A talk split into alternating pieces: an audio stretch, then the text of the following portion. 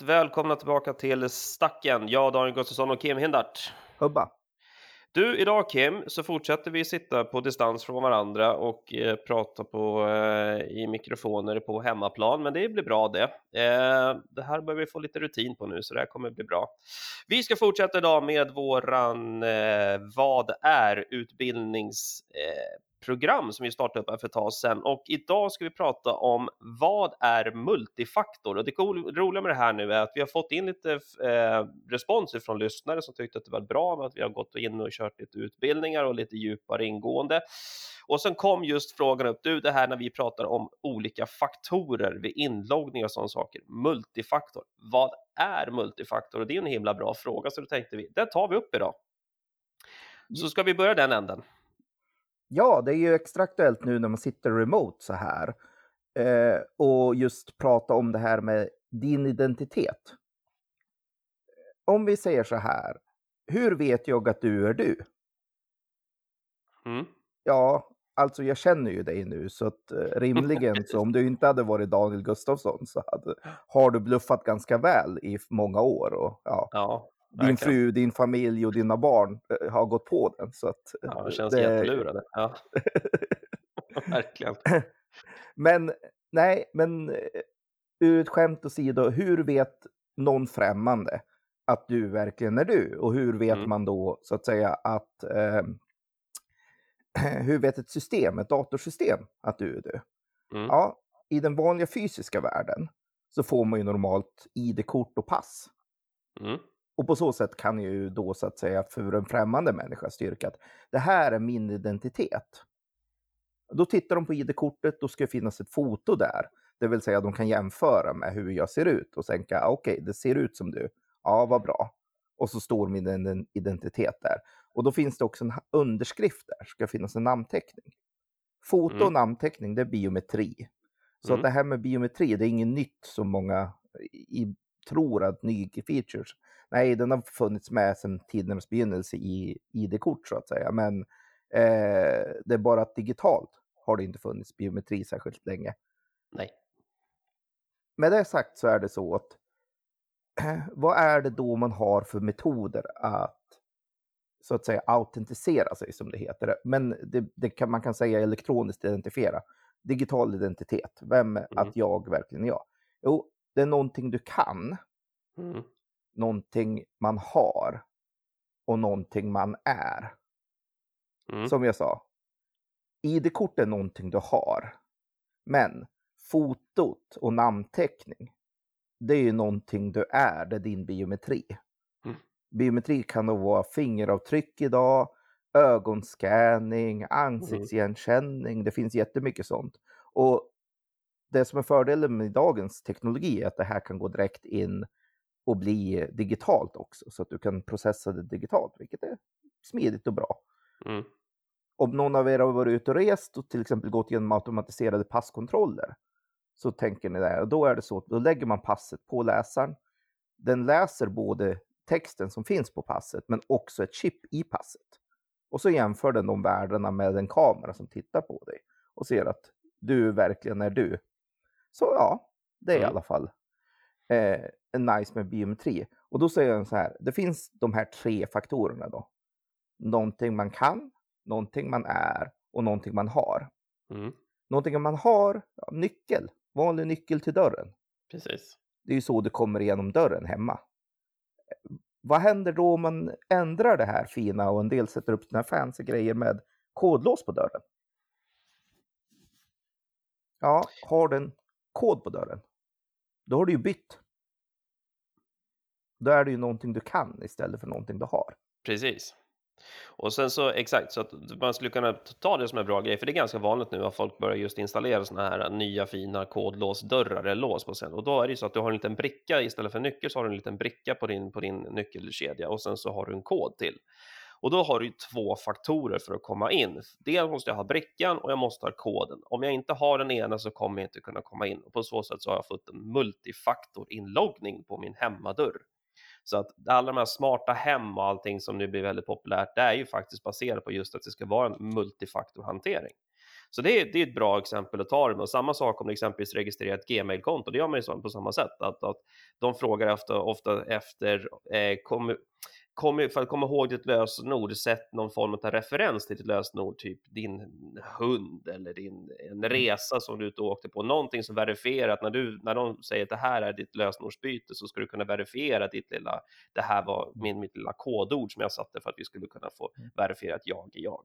Men jag håller med om att multifaktor är inte bara digitalt och inte bara, inte bara i, i, i datorn.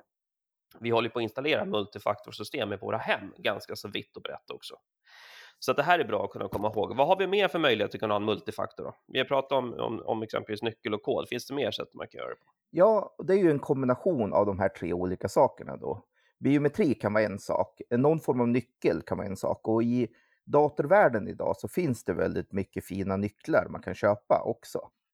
Eh, och sen så som sagt det vanligaste som man fortfarande ser överallt i datorvärlden egentligen och det är ett användarnamn och lösenord. Mm. Och då kan man ju prata om de här. Vad som är väldigt klart är att du ska alltid försöka ha flera av de här i kombination. Du ska inte bara för, förlita dig på ett. Och i hela datorvärlden, för att det är digitalt, har det byggt väldigt hårt på att man bara har användarnamn och lösenord. Och sen så är det inne och så, som ni själva märker, inloggningar överallt idag. Du har hur många hundratals inloggningar som helst överallt som privatperson idag. Mm. Eh, vilket kan vara väldigt svårt att komma ihåg, vilket gör att man återanvänder lösenord till exempel, vilket inte alls är bra. För att om en sajt blir breachad så har man plötsligt ditt användarnamn lösenord till alla andra också potentiella ställen.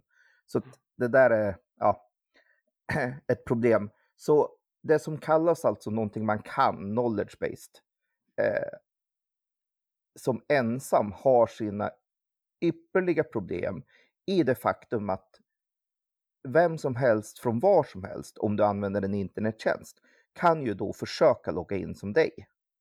Mm. Och ta sig in. Och om du inte sätter tillräckligt starka lösenord så är det ganska snabbt att du kommer in om du bara har det. Eh, och då är mer frågan så här, om, jag nu kommer in i din Gmail. Ja, allting som du kan ha, jag vill återställa mitt lösenord, skicka till mm. min mail mm. är ju också då potentiellt någonting man kan komma åt. Ja. Vilket är ett problem i sig. Så saken är att lita inte på en av de här ensam, utan ha alltid flera i kombination.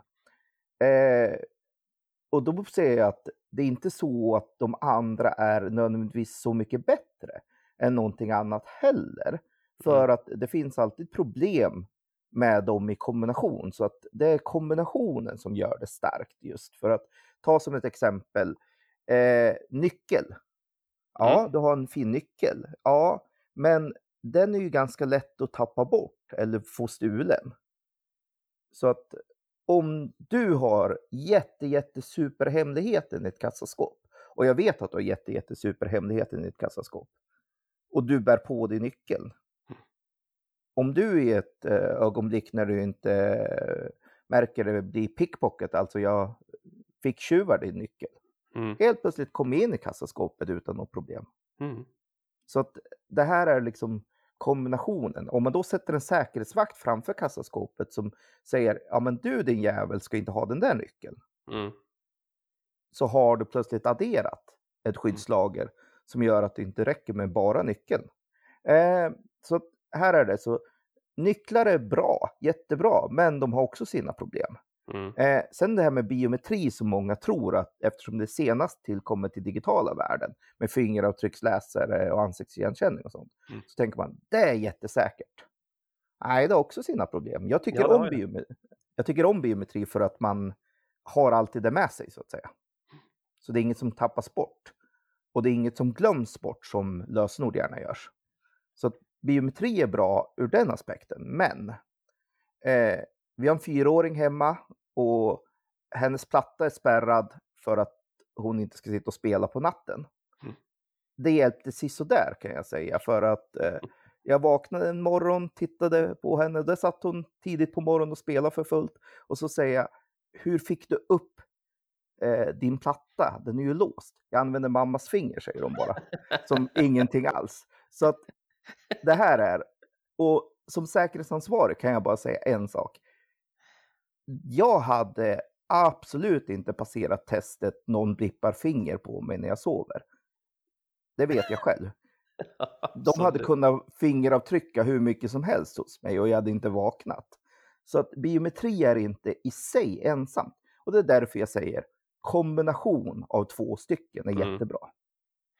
Och det är därför vi tjatar om multifaktor, att inte bara hänga upp sig på en lösning, en teknisk implementation eller ett sätt att, att eh, akkreditera dig själv in i ett system. En eller flera, det vill säga två eller flera. Och då finns det ju bara att man kan ha multifaktor med två, man kan ha multifaktor med tre, man kan ha multifaktor med fyra. Det beror på hur krångligt man vill göra det naturligtvis. Så finns det ju också någon form av gräns för hur användarvänligt blir ett system om jag har fyra faktorer för att kunna, kunna logga in i min dator. Ja, det kan man ju diskutera, men att bara hänga upp sig på en, nej, det är för lite och det kommer definitivt vara en, en, en eh, minimerad chans att ni kommer kunna hålla, behålla säkerheten i era system. Så två eller fler är vår rekommendation om man säger så. Sen vilken ni tycker är bäst, ja, det får ni själva avgöra, men två i kombination eller flera. Och jag måste säga att det var väldigt kreativt av din dotter att komma på att mamma låg och sov, så jag kan fortfarande använda fingret, men det är en annan femma.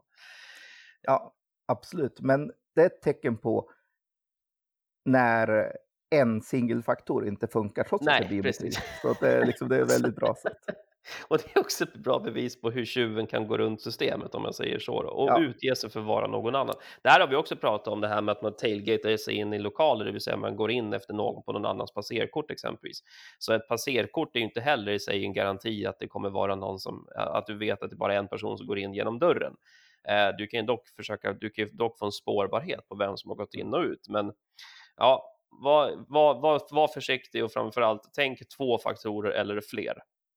Sen beror det på vad ni själv tycker är bäst eh, som ni kan välja då. Mm.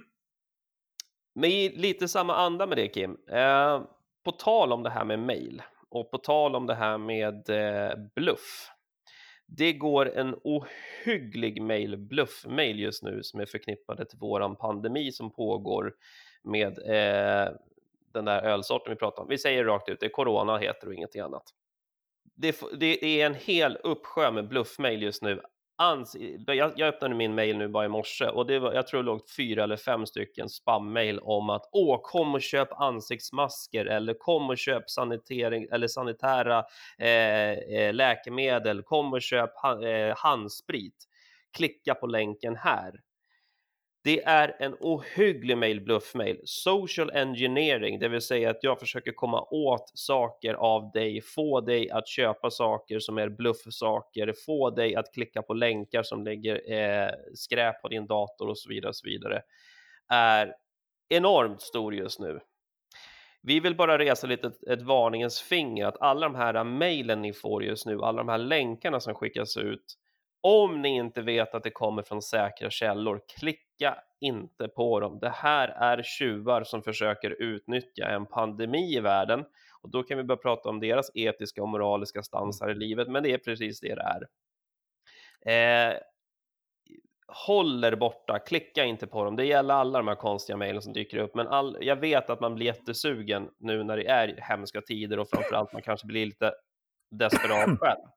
Det kan vara så att ni har en släkting exempelvis som är sjuk i viruset just nu och så kommer ett mejl som står Åh, här har vi alla uppgifter om deras, dina närmsta och kära, dina släktingar som är sjuk. Klicka på länken för att kolla hur du står till med dem. Nej, gör inte det för guds skull, för det är absolut inte sant om det inte kommer från en säker källa. För att ta det här, ett generellt råd i dagens lägen när man man vill ju skapa den här panikångesten hos folk, för då tänker man sig inte lika fort för. När man blir stressad så slutar, mm. så slutar sunt förnuft i stor del. Så här, klicka inte på länkar i mail generellt. Om ni inte är hundra på vem det är som faktiskt har skickat ett mail, klicka inte på länkar i mejlet. Om det är någon som säger åh, jag vill att du köper här, ja, titta vem den kommer ifrån så går du till hemsidan direkt själv istället och söker mm. efter produkten.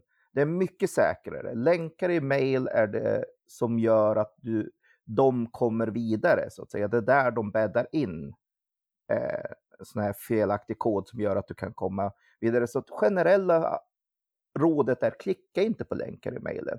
Och framför allt, vissa mejl som kommer ut nu, Folkhälsomyndigheten kommer aldrig, aldrig, aldrig att skicka ett mejl med en länk i så att du kan se din sjukdomstillstånd. Aldrig. Nej. Så att bara så här. Vi har identifierat en coronasmitta i din familj. Klicka här för att läsa mera. Nej, Mm. Nej, inte kommer chans. aldrig att komma från Folkhälsomyndigheten så. Bara Nej. förstå, nej, Det går inte Så- till på det sättet. det går inte till på det sättet. Så bara. Nej.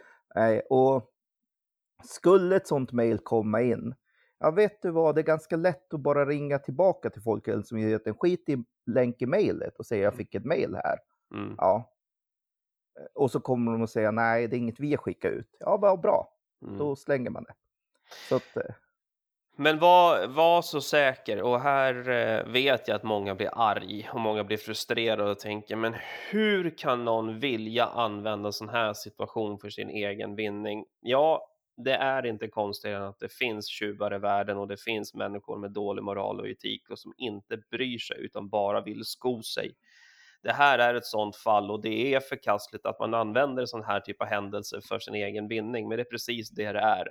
Så ett jättevarningens finger, klicka inte på de här länkarna, eh, bara kasta det, utgå ifrån att det är skräp, det är skit rent ut sagt. Och precis som Kim sa, ingen svensk myndighet kommer någonsin skicka ett mail till dig och säga klicka på den här länken för att se din status om din, av, av din sjukhälsa eller dina släktingar eller andra uppgifter. Eh, dels är det olagligt bara ur ett rent GDPR-perspektiv för att vara tydlig. Och sen två, det är inte så deras processer ser ut.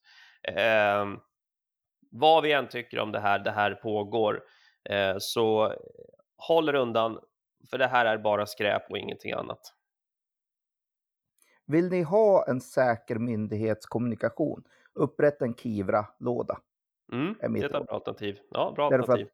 bakom inloggning på Kivra, där kan du vara hyfsat trygg om att det, in, det sker inte för mycket bluff och spam där. Så Nej. att- Nej, vad, vad finns det mer för åtgärder? Bra att du tog upp det. Vad mer kan man göra förutom dem? Har vi några andra bra tips där? Ja, nej, mer att tänka sig för när man klickar just att, eh, men en Kivra-låda för kommunikation myndigheter idag är väldigt bra. BankID om man inte har det är jättebra att skaffa och lära sig. Eh, så att, ja, det är det och då eh, rekommendation att gå till era banker, ta kontakt med era banker, för de är jättebra på att ge support på just BankID också. Så se Mm. till att man har ett fungerande BankID. Se till att man har en Kivra-låda. Mm. Eh, Och det är där myndighetsinformation kommer att dimpa ner om man vill ha det. Eh, sen så vet man att man är i kontakt med sjukvården. Etablera en bestämt sätt hur man sköter den kontakten. Så att det finns klart. Det är till den här mejladressen, från den här mejladressen, som vi kommunicerar och pratar med varandra. Och sen så kan man alltid då ha ett telefon också som ett extra verifikation. Eh, jag brukar säga åt folk på jobbet till exempel, lita aldrig på en ensam källa. Mm. Det vill säga, vi behöver betala den här räkningen nu.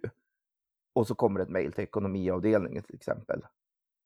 Ja, då är det lätt att ringa tillbaka på telefon Mm. och säga var det du som skickade det där mejlet? Mm. man har flera kanaler så att säga. Och idag har man alltid både mail, telefon. Ett sms är ganska lätt att skicka också. Och då ska det vara ohyggligt avancerat om man har både kapat ens sms och ens mail. Ja, Mm. som man ligger emellan. Men sådana är ganska lätt att bara få en extra bekräftelse om det är någonting viktigt. Eh, jag brukar ha ibland, jag vill att ni ändrar rättigheter för den här individen. Mm. Ja, de som är säkerhetsmedvetna, de hör ju av sig antingen telefon eller någon annan kanal vi har och Mm. vill få det bekräftat då, för att det räcker inte bara på ett sätt att jag faktiskt är, Nej. är jag. Så om man inte ser individen över video eller direkt möte så här och de säger någonting. Var extra försiktig om det är någonting sånt här som att betala någonting, ge mig någon access någonstans. Mm. Ja, så här. Eh, nej, låt hellre bli och sen få en extra bekräftelse. Var det verkligen du? Ja, Så. nej, jag håller med. Nej, som sagt, det här är bara bluff och båg, så att eh, håll undan nu. Men framför allt, det som är lite intressant är ju det faktum att social engineering slutar inte. Den, den, den gav inte upp för att det hände något tråkigt i världen, utan den såg bara en möjlighet istället att kunna göra ännu Mm. mera skada. Så Ja. eh, nej, undvik det där. Nej. Precis. Eh, en sista grej vi tänkte ta upp för idag är att det kom en artikel här i veckan angående Swedbank som fick på en eh, rejäl bot för penningtvätt utav Finansinspektionen. Eh, varför vi tagit upp den är egentligen bara för att kunna ta värdet av själva boten i sig som var satt till 4 miljarder kronor. Kim, du har läst lite noggrannare om den här artikeln. Vad handlar det om? Ja, det är ju att eh, Finansinspektionen har dömt ut nu för, eh, för deras hantering av pengatvätt. Och där Finansinspektionen har konstaterat, i alla fall i deras åsikt, att eh, de har medvetet mörkat dokumentation. Så att Mm. det har funnits en medvetenhet om det här med pengatvätt.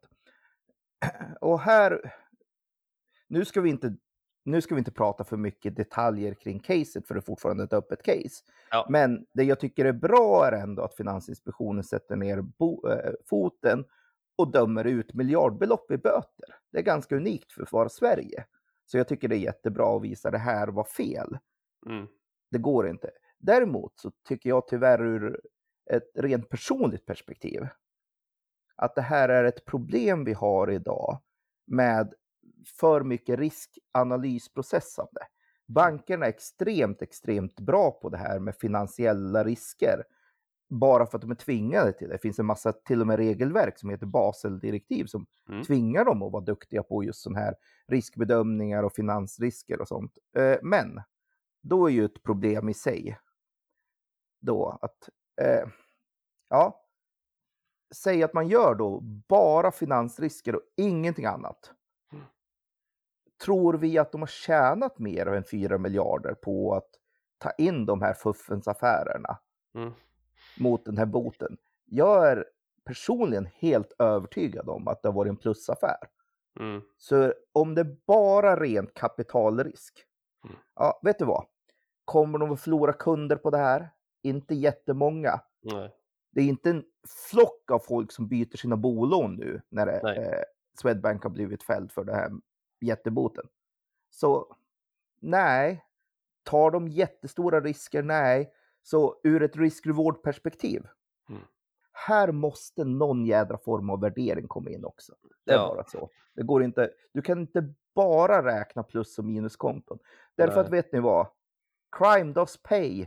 Det är en stor myt där att brott inte lönar sig. Det gör det visst det. Ja, alltså det, det, i rätt många fall så på sista raden så går boven plus i alla fall. Sen att du kan hamna i finkan och massa sånt tråkigheter. Det är det ju. Så är det. Men vi tog upp det här mest för att det faktiskt vart nu en rejäl bot. För vi har hört ganska mycket klago på att det blir inga, det blir inga stora böter i Sverige. Ja, men Mm. 4 miljarder är ändå en väsentlig summa pengar som nu Swedbank får, får Ja. hosta upp för, för, sitt, för, sitt, eh, för sitt beteende. Men jag håller med dig, det finns en etisk moralisk diskussion man kan ta huruvida ska man verkligen ha ens hålla på med en sån typ av verksamhet när man vet att man går fortfarande plus efter man betalt Mm. Boten som så. Mm. Intressant i alla fall. Vi tog upp det mest bara för att vi vill belysa att det faktiskt kommer ganska stora bötessummor även i Sverige. Yes. Då så, är det som så att ni har mera frågor som ni vill ta upp? Är det något annat du vill att vi ska diskutera lite mer ingående och berätta som vad är? Exempelvis som vi gjorde idag om, om multifaktor. Hör av er till oss på citynetwork.se stacken eller på våra sociala medier, LinkedIn, Youtube eller på andra kanaler där ni kan nå oss. Nu Kim fortsätter vi i våran eh, ensamhet på, i våran isolering och sen så hörs vi nästa vecka. Ha det bra! Hubba. Thank you.